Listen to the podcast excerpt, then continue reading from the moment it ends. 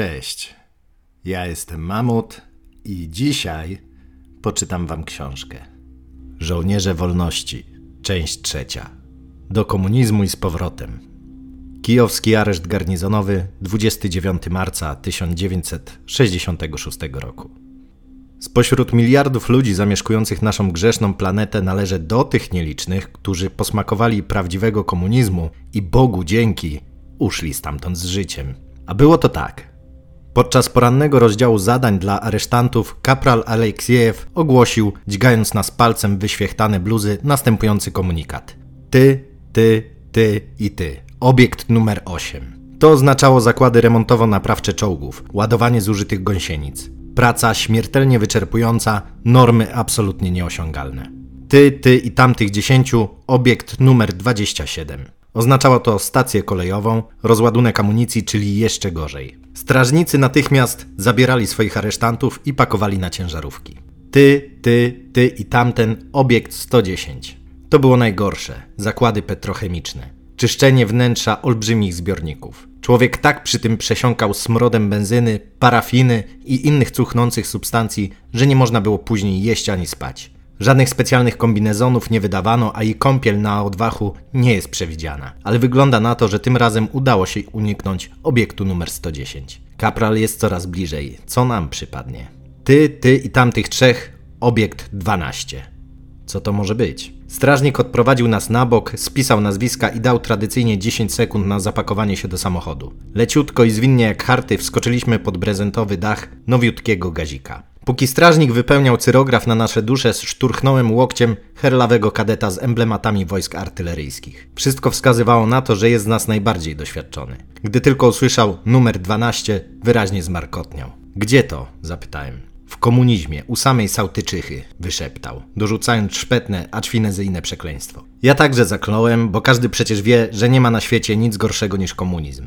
Wiele już słyszałem na temat komunizmu i Sałtyczychy, nie wiedziałem tylko, że nazywa się to obiekt numer 12. Nasz strażnik podparł się automatem i wskoczył przez burtę. Silnik prychnął parę razy, z trudem zaskoczył, po czym gazik potoczył się po gładkim, przedrewolucyjnym bruku wprost ku świetlanej przyszłości. Komunizm leży na północno-zachodnich peryferiach prastarej słowiańskiej metropolii, matki rosyjskich miast, tysiącletniego Kijowa. Mimo, że zajmuje spory kawał ukraińskiej ziemi, nie jest możliwe, aby osoba nieupoważniona mogła choć z dala rzucić nań okiem, ani na otaczający jego czterometrowy betonowy mur. Komunizm pozostaje ukryty w głuchym lesie sosnowym, ze wszystkich stron otaczają go wojskowe obiekty, bazy, arsenały, magazyny. Kto zatem chciałby raz zerknąć na budowlę komunizmu, musiałby najpierw dostać się do bazy wojskowej, strzeżonej przez uzbrojonych wartowników i złe psy łańcuchowe. Nasz gazik tymczasem mknął szosą w kierunku na Brześć Litewski i minąwszy kilka ostatnich domów, zanurkował zwinnie w niepozorny przesmyk między dwoma zielonymi płotami z tablicą wjazd wzbroniony. Po jakichś pięciu minutach gazik zatrzymał się przed drewnianą, niemalowaną bramą, która w niczym nie przypominała wrót jasnego, świetlanego jutra. Brama rozwarła się i wpuściwszy nas do środka, natychmiast zatrzasnęła się z powrotem. Byliśmy w pułapce. Po obu stronach mury wysokie na jakieś 5 metrów, za plecami drewniana, lecz niewątpliwie solidna brama, a przed nami stalowa, niewątpliwie jeszcze solidniejsza.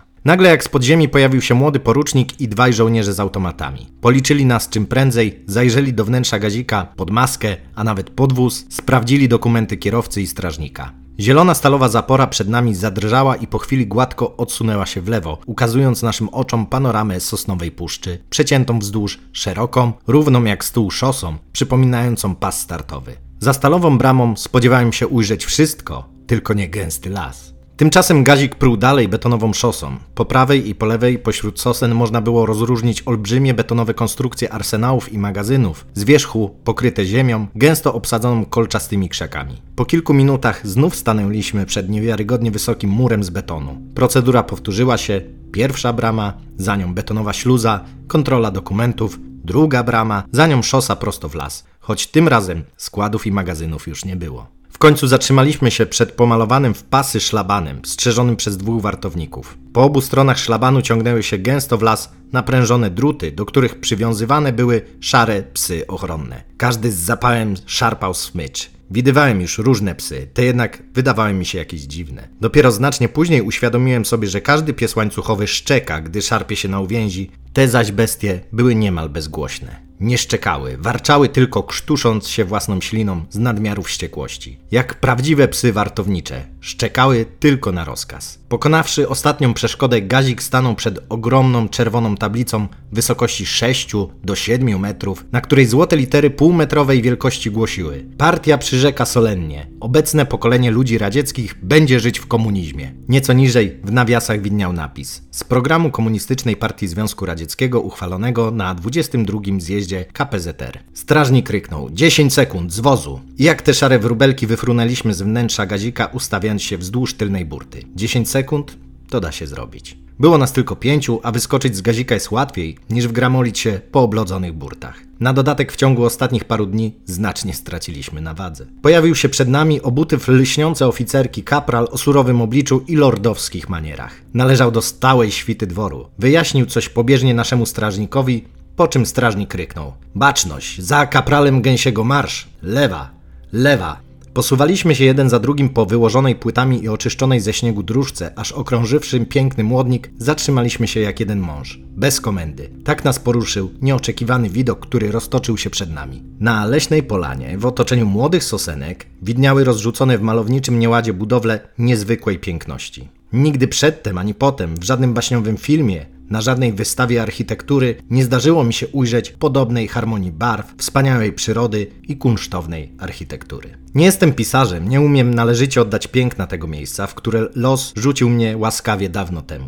Nie tylko my, również nasz strażnik z otwartą gębą podziwiał niezwykły widok. Kapral, wyraźnie nawykły do podobnych reakcji, ryknął na naszego strażnika. Ten w lekkim obłędzie poprawił pasek automatu, sklął nas siarczyście dla porządku, po czym podreptaliśmy dróżką wyłożoną szarym granitem, mijając zamarznięte wodospady i sadzawki, chińskie mostki wyginające kocie grzbiety nad kanałami, marmurowe altany i wyłożone kolorową mozaiką baseny. Minęliśmy rozkoszne miasteczko i ponownie znaleźliśmy się w Młodniku. Kapral zatrzymał się na okolonej drzewami polance i rozkazał usunąć śnieg. Ujrzeliśmy klapę. Pięciu z trudem unieśliśmy żeliwną pokrywę. Z wnętrza zionął przeraźliwy smród. Kapral, zatykając nos, odskoczył za zaspę. Chętnie poszlibyśmy za jego przykładem, ale mogło to się skończyć krótką serią między łopatki. Dlatego tylko zatkaliśmy nosy i odstąpiliśmy od szamba. Kapral zaczerpnął haust świeżego leśnego powietrza i rzucił komendę. Pompa i taczki są tutaj, a sad o tam, gdzie widać. Do 18 zakończyć oczyszczanie szamba i nawożenie sadu, po czym oddalił się. Niebiańskie miejsce, do którego trafiliśmy, to ośrodek wypoczynkowy Dowództwa Układu Warszawskiego, innymi słowy obiekt numer 12. Ośrodek wypoczynkowy utrzymywano na wypadek, gdyby dowództwo Układu Warszawskiego miało nagle ochotę zrelaksować się w rejonie prastarego grodu Kijowa. Lecz szefowie Układu Warszawskiego byli raczej skłonni spędzać urlopy na Wybrzeżu Czarnomorskim, dlatego ośrodek świecił pustką. Na wypadek wizyty ministra obrony albo szefa sztabu generalnego w Kijowie była jeszcze jedna dacza, oficjalnie zwana Ośrodkiem Wypoczynkowym Kierownictwa Ministerstwa Obrony lub obiektem numer 23. Ale ponieważ minister obrony i jego zastępcy nie pojawiają się w Kijowie, Kijowie częściej niż raz na 10 lat, dlatego i ten ośrodek świecił pustkami. W razie przybycia któregoś z przywódców KPZR lub rządu, Miejski Komitet Partii i Rada Miejska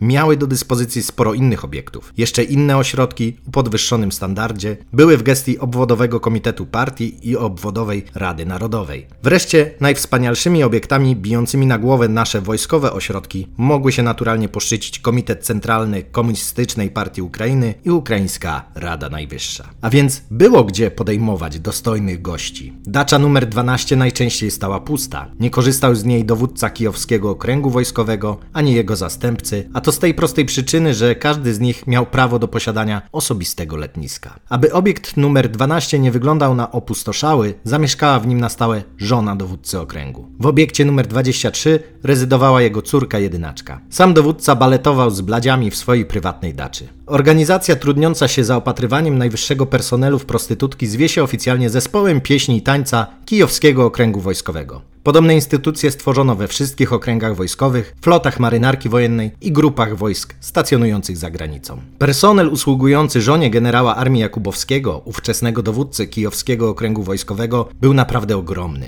Nie podejmuje się dać choćby szacunkowej oceny liczebności. Wiem jednak, że każdego dnia do pomocy armii kucharzy, służby, pokojówek, ogrodników dowozi się z Ancla pięciu, ośmiu, czasami nawet dwudziestu aresztantów. Dla wykonania najbrudniejszej roboty jak my dzisiaj. Wśród aresztantów dacza Układu Warszawskiego cieszyła się niesławnym mianem komunizmu. Trudno powiedzieć kiedy i dlaczego tak ją ochrzczono, być może z racji tablicy przy wjeździe, a być może w hołdzie dla baśniowego piękna jej otoczenia. Niewykluczone, że przyczyną był fakt, iż tajemnicze oczarowanie tak nierozerwalnie splatało się z codziennym ludzkim upokorzeniem, czyli ujmując rzecz prozaicznie, że piękno i gówno pozostawały tutaj w ścisłym związku. Co do gówna, to było go tutaj pod dostatkiem. Głębokie to szambo? zapytał uzbecki saper. Aż do środka ziemi. Przecież mogli je połączyć rurą z kanalizacją miejską. Głupcze, sądzisz, że generał armii będzie srał w ten sam kanał co ty? Jeszcześ nie dorósł do takich zaszczytów. Taką kanalizację zaprojektowano ze względów bezpieczeństwa. Jakby komuś tu wpadł ważny dokument, to co wtedy? Wróg nie śpi. Wróg ma dostęp do wszelkich kanałów. Po to właśnie założono tu obieg zamknięty, żeby uniemożliwić wypływ informacji. Więc waszym zdaniem kanał informacyjny prowadzi przez dupy generałów. Nic nie rozumiesz, ciemniaku, podsumował herlawy artylerzysta. Ten system wymyślono dla konserwacji generalskich odchodów, które w przeciwieństwie do naszych są bardzo bogate w kalorie. Jaki stół, taki stolec. Jakość główna pozostaje w ścisłej zależności od jakości pożywienia. Gdyby jakiemuś Miczurinowi dać tego pierwszorzędnego nawozu, na wieki okryłby chwałą naszą ojczyznę dzięki bogactwu osiągniętych zbiorów. Dość gadania, uciął dyskusję strażnik. Zawsze to lepiej, jeśli konwojentem jest czołgista. Inne życie. Cóż z tego, że wie doskonale, iż za nadmierną łagodność wobec więźniów może sam trafić do kozy, razem z więźniami, których dopiero co pilnował. A jednak brat czołgista jest o wiele lepszy od kolesia z piechoty lub artylerii. Jest też nieźle, jeżeli strażnik, choćby i nie swojak, jest doświadczonym kadetem z trzeciego albo czwartego roku. Nawet jeśli jest z innego plutonu, to na pewno sam przynajmniej jeden raz przesiedział pace. Wie, co jest grane. Najgorzej, gdy strażnikami jest gówniarzeria, co sama nie zaznała mamra. Ślepo trzyma się instrukcji. Właśnie taki dziś nam się trafił. Wielki, z dużą, paskudną gębą, na pewno z pierwszego roku. I wszystko ma na sobie nowe. Szynel, czapkę, buty. U dziadka to rzecz niemożliwa. Mógłby mieć jedną rzecz nową. Szynel, albo buty, albo pas. Ale jeśli wszystko ma nowe, znaczy się żółtodziób. Rekrut nosił w klapach emblematy Wojsk Łączności, co w Kijowie może oznaczać jedynie wychowanka Kijowskiej Wyższej Inżynieryjnej Szkoły Radiotechnicznej, w skrócie KWISR. W Kijowie mówi się na nich kwisranci. Nasz kwisrant wygląda jakby miał się zaraz zbiesić z wściekłości. Znaczy czas brać się do roboty. A więc rozpoczęliśmy dzień pracy w komunizmie. Jeden pompuje gówno, pozostała czwórka wywozi śmierdzącą maś do generalskiego ogrodu.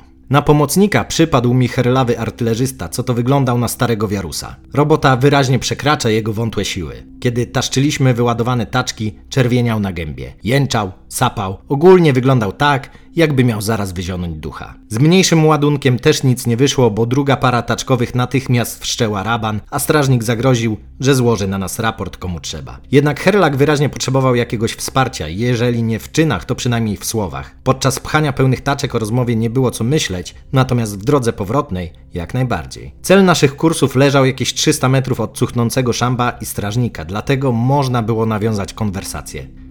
Ty, artylerzysta, ile ci jeszcze zostało do odsiedzenia? Zagaduję, gdy już zostawiliśmy pierwszy ładunek pod rozłożystą jabłonką. Swoje odsiedziałem, odpowiada słabym głosem. Chyba, że dzisiaj wlepią dokładkę. Szczęściarz, mówię zazdrośnie. A ile ci zostało do złotych pagonów?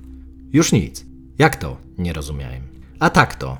Rozkaz od trzech dni leży w Moskwie. Jak tylko minister złoży swój bezcenny autograf, proszę uprzejmie, złote pagony, jestem oficerem. Jak nie dziś, to jutro. Pozazdrościłem mu jeszcze raz. Przede mną cały rok czekania. Cały rok w szkole dowódców wojsk pancernych. Rok to taki szmat czasu, że chociaż moi kumple zaczęli już odliczanie godzin i minut, ja na razie skreślałem tylko dni. Nieźle, prosto z pudła do łaźni i na bal promocyjny. Głupim szczęście sprzyja. Chyba, że dostaniemy dokładkę, przerwał ponuro. W twoim wypadku obowiązuje amnestia.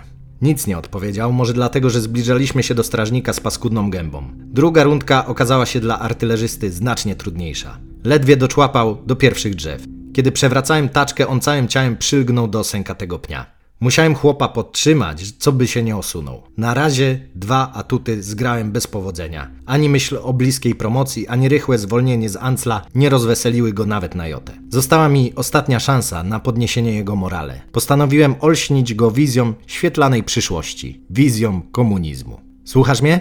Czego znowu? Uważasz, artylerzysto, teraz jest ciężko Ale przyjdzie czas, że będziemy żyć w takim samym raju jak tutaj, w komunizmie. To dopiero życie, co? Znaczy, cały czas w gównie?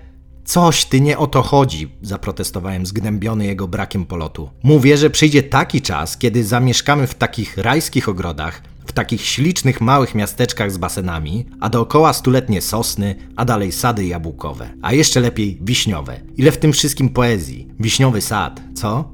Dureń jesteś, rzekł znużonym głosem. Dureń do kwadratu, chociaż pancerniak. Dlaczego dureń? spytałem urażony. O co ci chodzi?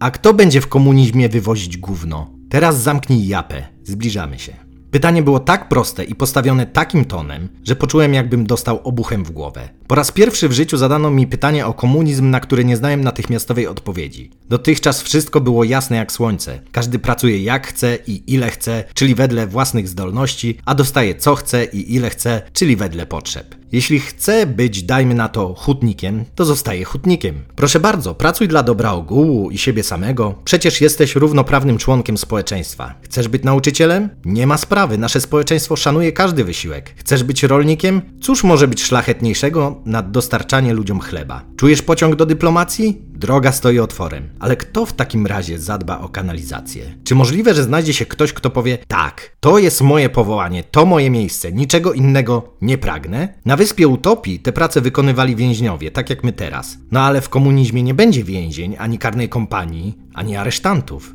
Po prostu znikną powody do przestępstw. Wszystko będzie za darmo, bierz co chcesz, to nie przestępstwo, to zaspokajanie potrzeb. Każdy bierze wedle swoich potrzeb od podstawowe założenie komunizmu. Opróżniliśmy właśnie trzecią taczkę, kiedy wrzasnąłem triumfalnie. Każdy będzie sprzątał sam po sobie, a poza tym będą odpowiednie urządzenia. Popatrzył na mnie z politowaniem. Czytałeś Marksa? Jasne, zaperzyłem się. Pamiętasz przykład z agrafkami? Jeżeli produkuje je jeden człowiek, to wykona dziennie trzy sztuki. Jeżeli tę samą pracę podzielić między trzech, jeden przycina drut, drugi ostrzy końce, trzeci gnie i mocuje zapinki, to będzie dziennie 300 agrafek. 100 na głowę. To się nazywa podział pracy. Im większy jest w społeczeństwie podział pracy, tym większa wydajność. Do każdej pracy trzeba fachowca, wirtuoza, a nie amatora i dyletanta. A teraz weź taki Kijów. Wyobraź sobie, że każdy z półtora miliona jego mieszkańców ma sam zainstalować własny system kanalizacyjny. Po fajrancie oczywiście. Sam ma go czyścić i konserwować. Wyobrażasz to sobie? Teraz co do urządzeń, przypominam ci, że Marx przepowiadał zwycięstwo komunizmu z końcem XIX wieku. Wtedy nie było takich maszyn. Czy to znaczy, że komunizm był nieosiągalny? Teraz też nie ma odpowiednich urządzeń. To, co może teraz komunizm też jest niemożliwy. Kolego, dopóki ktoś nie wymyśli innego patentu, zawsze musi być ktoś, kto się będzie babrał w cudzym gównie. A to, za przeproszeniem, gówno, a nie komunizm. Nawet jeżeli takie urządzenia zostaną wynalezione, to i tak ktoś ich będzie musiał doglądać, czyścić. To też nie będzie przyjemne zajęcie. Trudno uwierzyć, żeby ktoś poczuł życiowe powołanie do takiej roboty. Przecież zgadzasz się z marksistowską teorią podziału pracy. A może nie jesteś marksistą? Oczywiście, że jestem, wydukałem. Uważaj na tego palanta, zaraz nas usłyszy. Na razie podrzucę ci kilka dodatkowych problemów do przemyślenia. Kto w komunizmie będzie grzebał trupy? Ogłosi się samoobsługę, czy raczej amatorzy będą to robić po godzinach pracy? Ogólnie mówiąc, w społeczeństwie jest od cholery brudnej roboty. Nie można mieć samych dyplomatów i generałów. Kto będzie ćwiartował świńskie tusze? Byłeś kiedyś w wytwórni filetów rybnych? Przywożą ryby i trzeba je natychmiast sprawić ręcznie, bez tych twoich mechanizacji. I co wtedy? A kto będzie zamiatał ulicę i wywoził śmieci? Dzisiaj nawet śmieciarz musi mieć odpowiednie kwalifikacje i to niebagatelne. Albo czy będą w komunizmie kelnerzy? Na razie to całkiem intratny zawód, ale co będzie, gdy zostaną zlikwidowane pieniądze? A na koniec pomyśl o tych wszystkich, którzy nie mają dziś zielonego pojęcia o czyszczeniu obsranej kanalizacji, jak choćby nasz towarzysz Jakubowski. Myślisz, że ma jakikolwiek osobisty interes w nadejściu dnia, gdy będzie musiał sam po sobie sprzątać własne gówno? Przemyśl to sobie. A teraz morda w kubeł, zbliżamy się. Za dużo gadacie, ruszać się żwawo! Czekaj no, ogniomistrzu. To według ciebie komunizm w ogóle nigdy nie nastanie? Stanął jak wryty, porażony absurdalnością mojego pytania. Czyś ty się z choinki urwał? Pewnie, że nie. A to dlaczego? Jak ci się dotąd udało uniknąć stryczka? Ty kontrrewolucyjny bękarcie. Ty parszywa antyradziecka świnio. To mówiąc z całej siły cisnąłem taczki o ziemię. Śmierdząca złocista maś rozlała się po oślepiającej bieli śniegu i granitowej ścieżce. A żeby ci jaja zwiędły, splunął artylerzysta wściekły jak nie wiem co. Teraz jak nic złapiemy po pięć dni dokładki, zobaczysz. Czekaj, zdaje się, że nikt nie zauważył. Przysypiemy śniegiem, szybko. Gorączkowo jeliśmy zarzucać śniegiem brudną plamę, lecz strażnik już do nas pędził. Palanty jedne, coście narobili, pogaduszki, co? A ja za was mam odpowiadać. Zobaczycie, jak będziecie cienko śpiewać. Czekaj, stary, my tu zaraz przysypiemy śniegiem i nikt niczego nie zauważy. Taczki ciężkie jak cholera wypsnęły się z rąk, a ogrodowi wyjdzie tylko na dobre. Za tydzień śnieg stopnieje i wszystko spłynie. Ale strażnik z paskudną gębą był nieugięty. Trzeba było pracować, a nie gadać. Zatańczycie wy jeszcze, aż wam się odechce. Wtedy artylerzysta zmienił ton. Ty głupi jełopie. Najpierw odsłuż tyle co my, to będziesz mordę piłować. Składaj raport, proszę bardzo, tylko że pójdziesz z nami do paki za to, że nie upilnowałeś. Przyłączyłem się do kolegi. Młody jesteś i głupi i nie miałeś jeszcze prawdziwych kłopotów. W jego sprawie poszło pismo do Moskwy. Za trzy dni mianują go oficerem. A z ciebie jeszcze za smarkaniec. Kto za smarkaniec? Uważaj! Przymierzył się do automatu i wrzasnął. Wracać do roboty, ale już, ja was nauczę Moresu. Artylerzysta rzucił w jego stronę obojętne spojrzenie i spokojnie rzekł do mnie. Idziemy, nie ma co się kłócić z baranem i tak go dzisiaj wsadzą. Wspomnisz moje słowa. Spacerowym krokiem ruszyliśmy w stronę szamba. Doniesie, szepnął konfidencjonalnie artylerzysta. Nie doniesie, zaprzeczyłem. Będzie się jeszcze trochę żołądkował, ale do wieczora mu przejdzie. Zobaczymy. Co się martwisz, co się smucisz? Ze wsi jesteś? Na wieś wrócisz. Życie trzeba brać jak konia za pysk. Posłuchaj mnie, ty czarna reakcjo. Dlaczego po twojemu komunizm nigdy nie nastanie? Bo, tylko nie wypiernisz znowu taczek, bo naszej partii i całemu komitetowi centralnemu ten twój komunizm jest potrzebny jak dziura w moście. Jesteś parszywym kontrrewolucyjnym oszczercą i tyle. Idź się powieść, żałosny palancie, a przede wszystkim stul pysk i przestań się drzeć. Nie można z tobą rozmawiać, póki jedziemy z towarem. Cierpliwości. Rozładujemy, to ci wszystko wyklaruję. Rozładowaliśmy. No dobra, a teraz wyobraź sobie, że komunizm nastanie jutro rano. Nie, to niemożliwe, przerwałem. Wpierw trzeba stworzyć bazę materiałowo-techniczną. Więc wyobraź sobie, że jest już rok 1980 i partia, tak jak obiecywała, wybudowała tę bazę. A zatem, co właściwie zyska na tym całym komunizmie zwyczajny sekretarz dzielnicowego komitetu partii? No co, góry kawioru? Przecież kawioru ma tyle, że jakby chciał, może go jeść nawet dupą. Samochód? Ma już dwie służbowe wołgi i jedną prywatną w rezerwie. Opiekę lekarską? Już dziś korzysta wyłącznie z zagranicznych medykamentów. Jedzenie, dziwki, dacze? Wszystko to już ma. Powiem Ci w zaufaniu, że dzięki komunizmowi nasz sekretarz komitetu partii w Zadupiu Dolnym uzyska wielką figę z makiem. A co na tym straci? A dokładnie wszystko. W tej chwili wygrzewa się do góry brzuchem w najlepszych uzdrowiskach nad Morzem Czarnym. Ale w komunizmie wszyscy będą równi jak w łaźni miejskiej. Dlatego dla wszystkich na tej plaży miejsca nie starczy. Albo inny przykład. Wiadomo, że będzie obfitość wszelkich dóbr. W każdym sklepie możesz brać co chcesz i ile chcesz. Załóżmy, że nawet nie będzie kolejek. Ale co to za frajda dla naszego sekretarza, jeśli będzie musiał chodzić po te rzeczy? A po co mu to, skoro teraz miejscowa ludność wszystko przyniesie i podetka pod nos? No więc niby dlaczego ma woleć jutro, jak dzisiaj jest już o wiele lepsze? W komunizmie straci wszystko. Dacze, osobistych lekarzy, całą świtę i goryli. Sam widzisz, że nawet na szczeblu dzielnicy nie znajdziesz nikogo, kto byłby zainteresowany w nadejściu komunizmu. Ani jutro, ani pojutrze. Tacy jakubowscy i greczkowie są tym najmniej zainteresowani. Pamiętasz jak naskoczyli na Chiny za urawniłówkę, że niby wszyscy noszą tam jednakowe gacie? A ciekawe jak my będziemy się ubierać w komunizmie. Będą jakieś mody? A może wszyscy założymy więzienne łachy? Partia mówi, że nie. Jak w takim razie zapewnić wszystkim modne stroje, skoro mają być dostępne za darmo i w dowolnych ilościach? I skąd brać tyle lisów na futra dla wszystkich kobiet? Żona Jakubowskiego codziennie zakłada inne gronostaje. Gdyby jutro nastał komunizm, czy potrafiłbyś przekonać Marusię, dojarkę z kołchozu, że jej uda są mniej ponętne niż tego zramolałego pudła? Albo że piastuje mniej zaszytne miejsce w społeczeństwie? Marusia to młoda dziewucha i też by chciała mieć gronostaje. I złoto, i brylanty. A myślisz, że ta stara klępa Jakubowska odda swoje futra i brylanty bez walki? Także przestań mi tu wciskać bałach. Sam widzisz, że się nie palą, żeby jutro nastał komunizm. Nie ma dwóch zdań. Dlatego właśnie wymyślono pojęcie okresu przejściowego. Lenina czytałeś? Kiedy Lenin obiecywał nam komunizm? Za 10 do 15 lat? Może nieprawda? A Stalin? Też. Za 10 do 15 lat, w porywach dochodził do 20. A Chruszczow? Za 20 lat. Cała partia przysięgała ludziom, że tym razem to prawda. I co, rzeczywiście wierzysz, że w roku 1980 zapanuje komunizm? Taki chuj. A może myślisz, że ktoś każe się partii tłumaczyć z kłamstwa? Nie odezwie się jeden głos protestu. Zastanawiałeś się kiedy, mój miły czołgisto, dlaczego wszyscy nasi przywódcy mówią o 10-15 latach? Powiem ci, bo sami chcą zakosztować życia, nie odbierając ludziom resztek nadziei. Poza tym, przez ten czas wszyscy zapomną o obietnicach. Kto dziś pamięta, co naobiecywał Lenin? Dlatego, kiedy nadejdzie 1980 rok, pies z kulawą nogą nie pomyśli, że oto nastał obiecany moment, że partia winna się rozliczyć ze swoich zobowiązań. Czy ty w ogóle jesteś komunistą? Zapytałem. Komunistą nie, ale jestem członkiem partii. Czas, żebyś dostrzegł różnicę. Zamilkł i nie rozmawialiśmy już więcej aż do wieczora. Przed zmierzchem zdołaliśmy w końcu opróżnić dół. Gdy wybieraliśmy ostatnie szufle, na ścieżce ukazała się chuda, pomarszczona kobieta w imponującym futrze z gronostajów. Towarzyszył jej kapral. Teraz jego twarz utraciła wyraz lordowskiej pychy, nabierając rysów wsiowego parobka. Uważaj, ostrzegł artylerzysta. Jeżeli Sautyczycha dołoży dzień paki, nie podskakuj. To tylko baba. Jak się będziesz stawiał, raz dwa postawi cię przed trybunałem. Kapral obejrzał szambo i ogród, po czym zameldował przymilnym tonem. Wszystko zrobione, pilnowałem cały dzień. Uśmiechnęła się niemrawo, podeszła do dziury, zajrzała. Solidnie się napracowali, ja przez cały dzień nadskakiwał kapral. Ale zaświnili ścieżkę i przysypali śniegiem, wtrącił nasz strażnik. Kapral rzucił mu z podełbanie nawistne spojrzenie. Którą ścieżkę? zapytała koścista życzliwym głosem. Chodźmy, proszę bardzo, ja wszystko pokażę. Strażnik ruszył przodem, koścista dreptała za nim. Zapadł zmierzch, ścisnął mróz i strażnik miał spore trudności z odkopaniem butem płata zmarzniętego śniegu. O proszę, zasypali i myśleli, że nie zauważę. Ja wszystko widzę. Który to zrobił? zaskrzeczała jędza.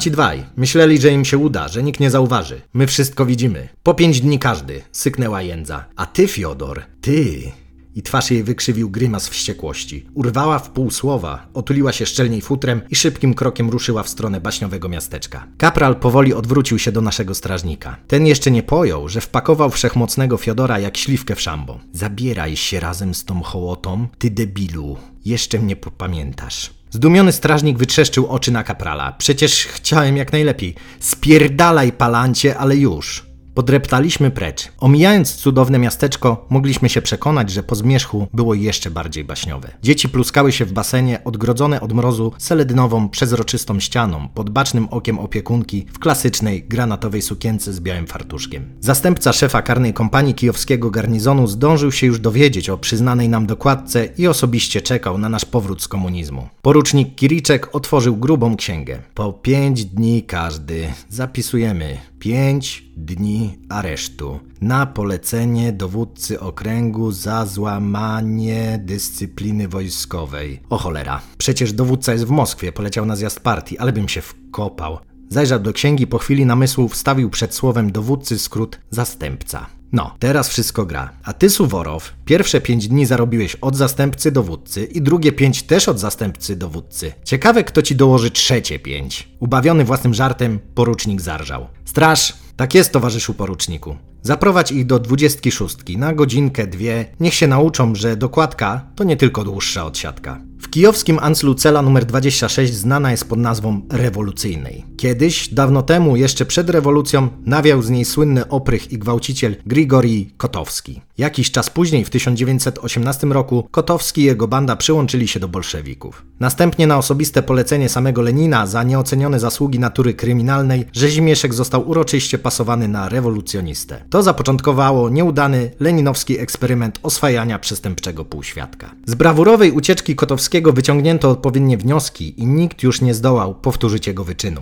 W celi 26 nie ma pryczy ani ławki, jest tylko spluwaczka w kącie. Nie stoi tam bynajmniej dla dekoracji, jest po brzegi wypełniona chlorem. Niby, że to taka dezynfekcja. Okno, przez które niegdyś czmychnął bohater rewolucji już dawno zamurowano. Sama cela jest tak mała i tak bardzo przesycona chlorem, że wytrzymać dłużej niż 5 minut zakrawa na absolutną niemożliwość. Oczy łzawią, człowiek krztusi się z braku powietrza, ślina wypełnia usta, piersi rozdziera okropny ból. Ledwie nas tam wpakowano, artylerzysta krztusząc się odepchnął mnie od drzwi. Chciałem je skopać, ale chyląc czoło przed jego doświadczeniem zaniechałem. Dużo później mogłem się przekonać, że i tym razem miałem świętą rację. Dokładnie naprzeciw naszej celi mieściła się cela 25, przeznaczona dla tych, którym się wydawało, że w celi 26 jest nie do wytrzymania. Po wycieczce do celi 25 każdy, bez wyjątku, odzyskiwał równowagę i pokornie wracał do celi 26. Tymczasem do kabaryny wepchnięto trzeciego osobnika. Miałem w nosie kto zacz, nawet nie usiłowałem odgadywać jego rysów. Za to artylerzysta od samego początku wyczekiwał jego przybycia. Szturchnął mnie łokciem, mówić się nie dało i wskazał nowego. Otarwszy oczy kłakiem, rozpoznałem w nim naszego strażnika. Zwyczajny aresztant nie zaczyna od siatki od celi 21, 25 czy 26. Tylko ci, którzy zarobią dokładkę, przechodzą przez jedną z nich, a czasem przez dwie z rzędu. Nasz kwisrant pierwszoroczniak wyjątkowo rozpoczął swoją epopeję od celi 26. Niewykluczone, że wszechmocny kapral poskarżył się adiutantowi albo zastępcy dowódcy. Możliwe też, że kwisrant zaczął podskakiwać, kiedy po zdaniu automatu i amunicji dowiedział się nagle, że jego pluton wraca do koszar, a on sam, z niewiadomych dlań przyczyn, ma zostać tutaj skazany na 10 dni pudła. A być może porucznik postanowił wsadzić go z nami dla draki, z góry przewidując, co będzie dalej. W białej mgiełce jadowitych oparów nasz nowy kompan zaniósł się pierwszym atakiem kaszlu. Oczy zaszły mu łzami, bezradnie macał pustkę w poszukiwaniu ściany. Nie byliśmy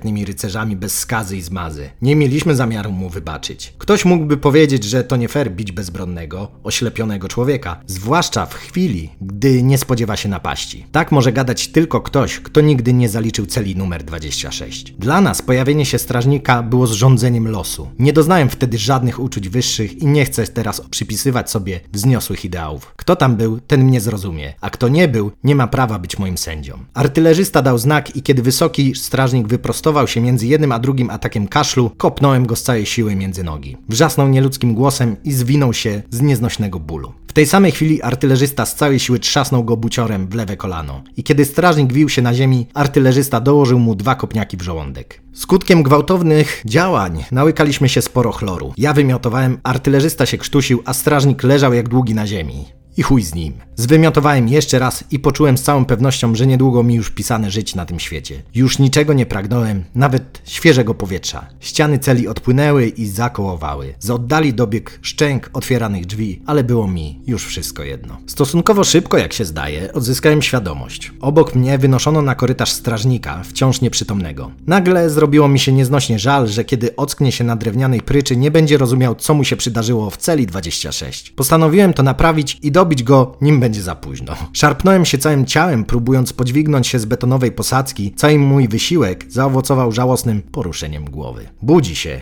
powiedział ktoś wysoko nad moją głową. Daj mu jeszcze powąchać. Artylerzysta trzymał się na nogach, teraz on wymiotował. Ktoś całkiem blisko mnie powiedział: Ten już jest oficerem, z rozkazu ministra obrony. Rozkaz ministra przyszedł dzisiaj, ale podpisany był wczoraj, zaprotestował drugi głos. Czyli, że amnestia obejmuje tylko wczorajszy dzień odsiadki. Dzisiaj, już po nominacji na oficera, dostał dokładkę od zastępcy dowódcy okręgu. Tego żadna ministerialna amnestia nie obejmuje. Nie zawracaj dupy. To wyjątkowa sytuacja, trzeba wystąpić do zastępcy dowódcy okręgu. Ale przecież on twojego świeżo upieczonego porucznika nigdy na oczy nie widział. Polecenie wydała małżonka. A poza tym, on też już wyjechał na zjazd. Chyba nie zamierzasz zabiegać u niej. Co to, to nie. Za żadne skarby, stropił się drugi głos. No widzisz. A na mocy amnestii zwolnić go nie możemy. Wiesz, co by się działo, gdyby ona zajrzała jutro sprawdzić? Wszystkim by łby poukręcała. Co racja, to racja. Tak się zdarzyło, że w czasie, gdy nasz artylerzysta czyścił kanalizację, minister obrony podpisał rozkaz o awansowaniu jego i jeszcze 200 kadetów do stopnia podporucznika. W takich przypadkach rozkaz ministra jest równoznaczny z odpuszczeniem wszystkich wykroczeń. Lecz kiedy rozkaz podróżował z Moskwy do Kijowa, nasz artylerzysta zdążył załapać kolejną odsiadkę, rzekomo z polecenia zastępcy dowódcy Kijowskiego Okręgu Wojskowego. I nikt nic w tej sprawie nie mógł zrobić. Ponieważ jednak formalnie stał się oficerem, jego miejsce było na oddziale oficerskim, oddzielonym od pospólstwa wysokim murem. Uścisnęliśmy się zatem jak bracia, jak ludzie bliscy, którzy rozstają się na zawsze. Uśmiechnął się do mnie blado i tak jak stał, ubabrany ekskrementami małżonki przyszłego naczelnego dowódcy Zjednoczonych Sił Zbrojnych Układu Warszawskiego, marszałka Związku Radzieckiego Iwana Jakubowskiego, udał się w stronę Stalowej Wiodącej na oddział oficerski. Tym razem bez eskorty. Na dzisiaj chyba wystarczy. Do usłyszenia.